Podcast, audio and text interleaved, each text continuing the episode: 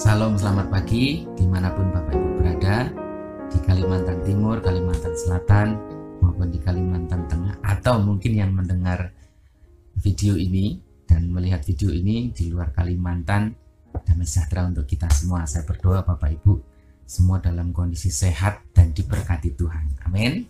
Kalau tak mungkin ada yang sakit kami berdoa Bapak Ibu selesai mendengar firman Tuhan itu Bapak Ibu mengalami kelepasan dalam Tuhan. Amin. Mari kita berdoa terlebih dahulu sebelum kita belajar firman Tuhan. Tuhan Yesus yang baik, Tuhan Yesus yang luar biasa, Tuhan Yesus memberkati kami dengan banyak hal. Dan pagi hari ini kami akan sama-sama belajar kebenaran firman-Mu. Tuhan berkati kami sehingga firman itu membenarkan kami dan buat kami jadi orang yang bebas dalam hidup kami. Di dalam nama Tuhan Yesus. Haleluya. Amin. Bapak Ibu mari kita membuka satu kebenaran firman Tuhan di dalam Yakobus pasal yang ke-1 ayat yang ke-25. Demikian firman Tuhan.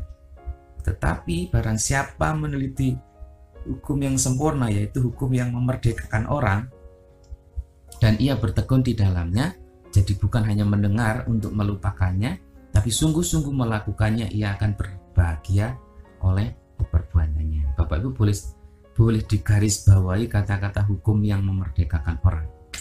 Siapa yang meneliti hukum yang sempurna itu yaitu hukum yang memerdekakan orang, ia akan dibilang disebut orang yang berbahagia. Bukannya disebut dikatakan ia akan berbahagia. Nah, Bapak Ibu, tentunya kita tahu sama-sama hukum yang sempurna yaitu hukum yang memerdekakan itu, itu hukum yang bagaimana?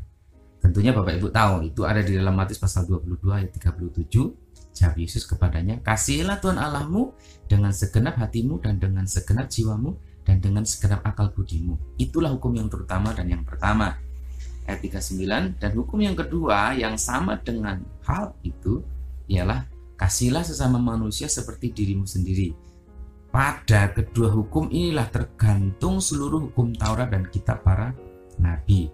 Jadi di di, eh, di antara dua hukum itu, hukum kasih hukum kepada Tuhan dan kepada sesama itu tergantung seluruh hukum-hukum lain termasuk hukum Taurat dan semua hukum para nabi Bapak Ibu. Artinya bahwa hukum yang sempurna yaitu hukum kasih. Kasihlah Tuhan Allahmu dan kasihlah semua manusia seperti engkau mengasihi dirimu sendiri. Dan hukum itu di dalam Yakobus dikatakan hukum yang memerdekakan.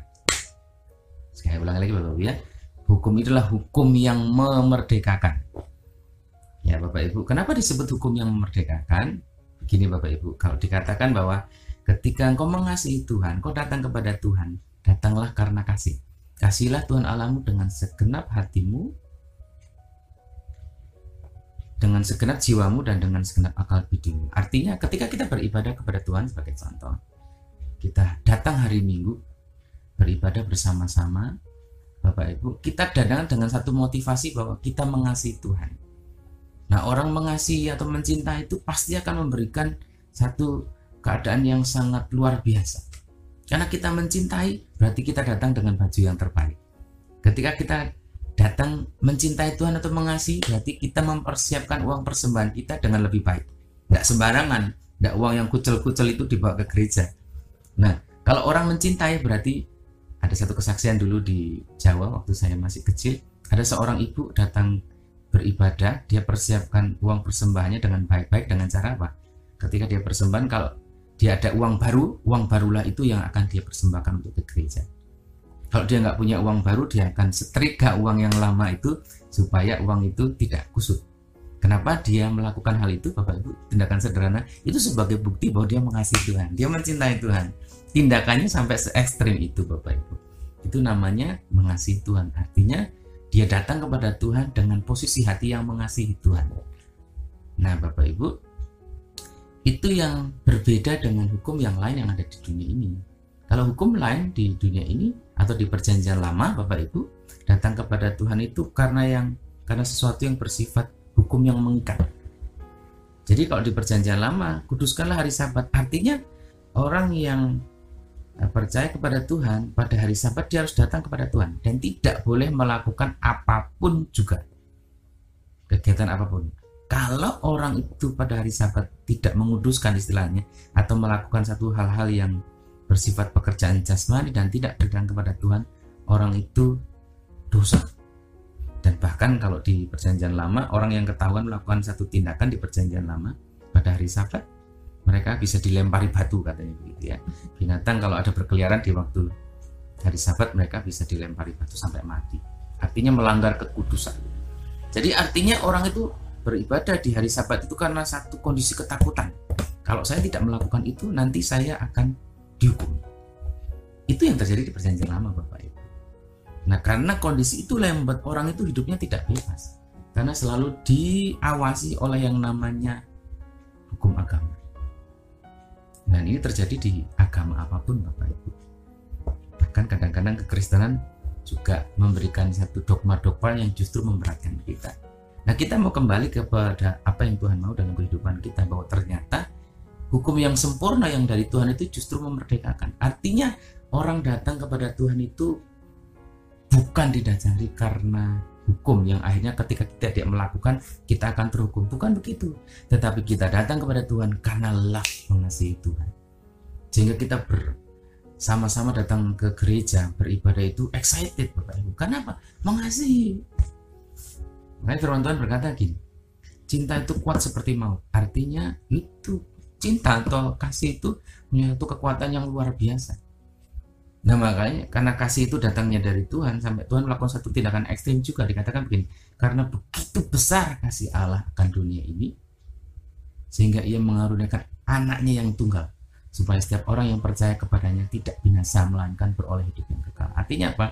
Karena Tuhan itu punya kasih yang sangat besar sampai tindakannya ekstrim. Anaknya yang satu-satunya dikorbankan untuk manusia supaya manusia itu selamat. Jadi Tuhan datang ke bumi ini bukan karena kasihan sekedar kasihan kepada manusia.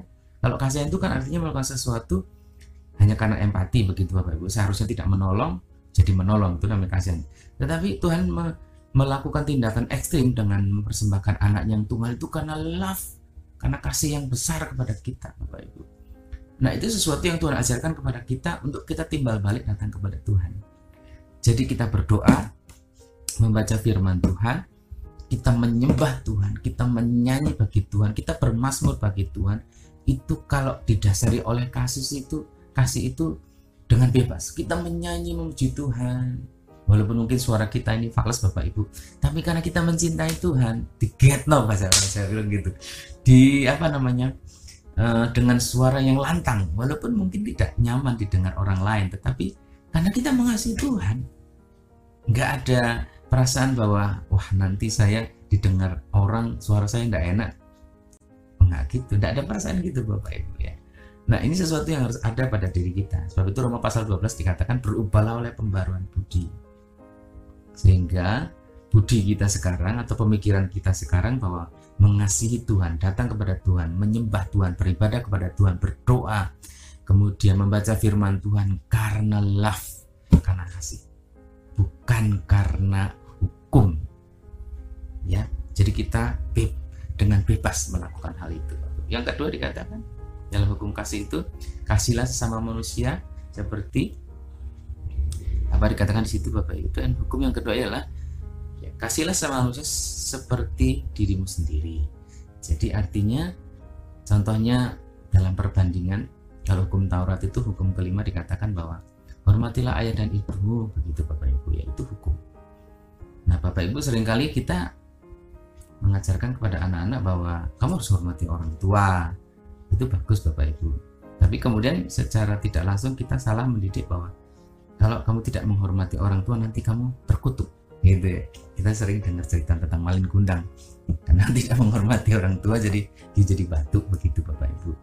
Nah Bapak Ibu harus kita koreksi sedikit berdasarkan kebenaran firman Tuhan itu.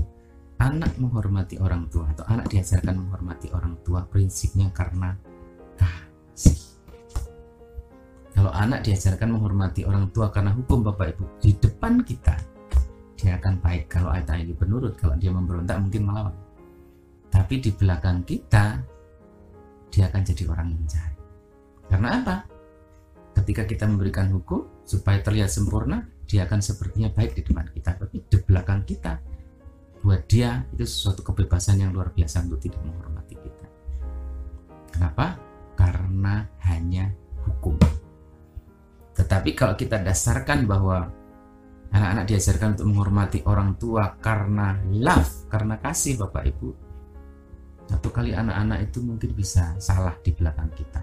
Atau di depan kita juga bisa salah. Contohnya begini Bapak Ibu, kisah tentang perumpamaan tentang anak yang hilang.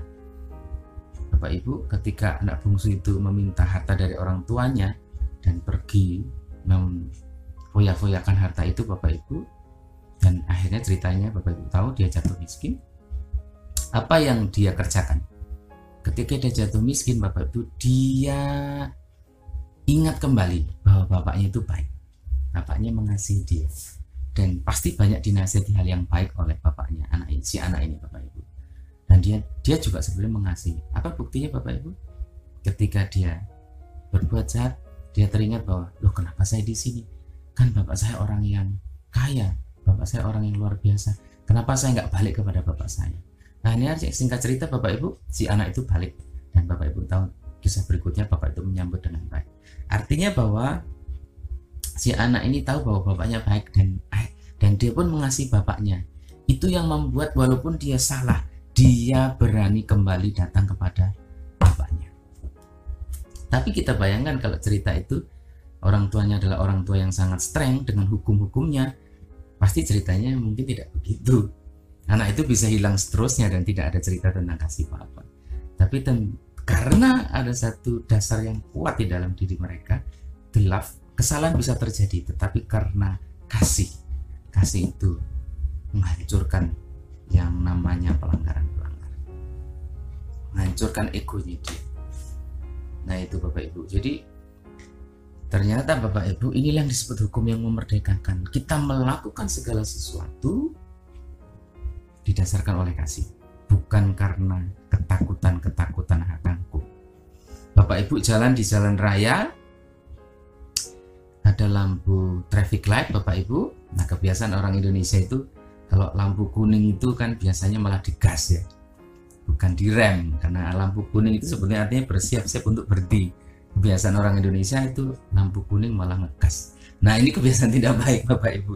Tapi kalau sekarang mendengar kebenaran firman Tuhan ini Bapak Ibu harus merubah pola pikir kita bahwa kita harus mengasihi negara kita. Di lampu merah, lampu traffic light itu kan dipasang oleh uh, eh, LLAJ begitu Bapak Ibu ya. Dengan satu tujuan bahwa diatur lalu lintasnya itu dengan baik. Semuanya kalau terobos nanti bisa terjadi kecelakaan. Nah kita harus berpikir dengan nalar yang sehat secara firman Tuhan. Nah kita mengasihi orang lain jangan sampai terjadi kecelakaan. Atau kita sendiri tertabrak. Kalau terjadi kecelakaan kan semuanya sakit gitu Bapak Ibu ya.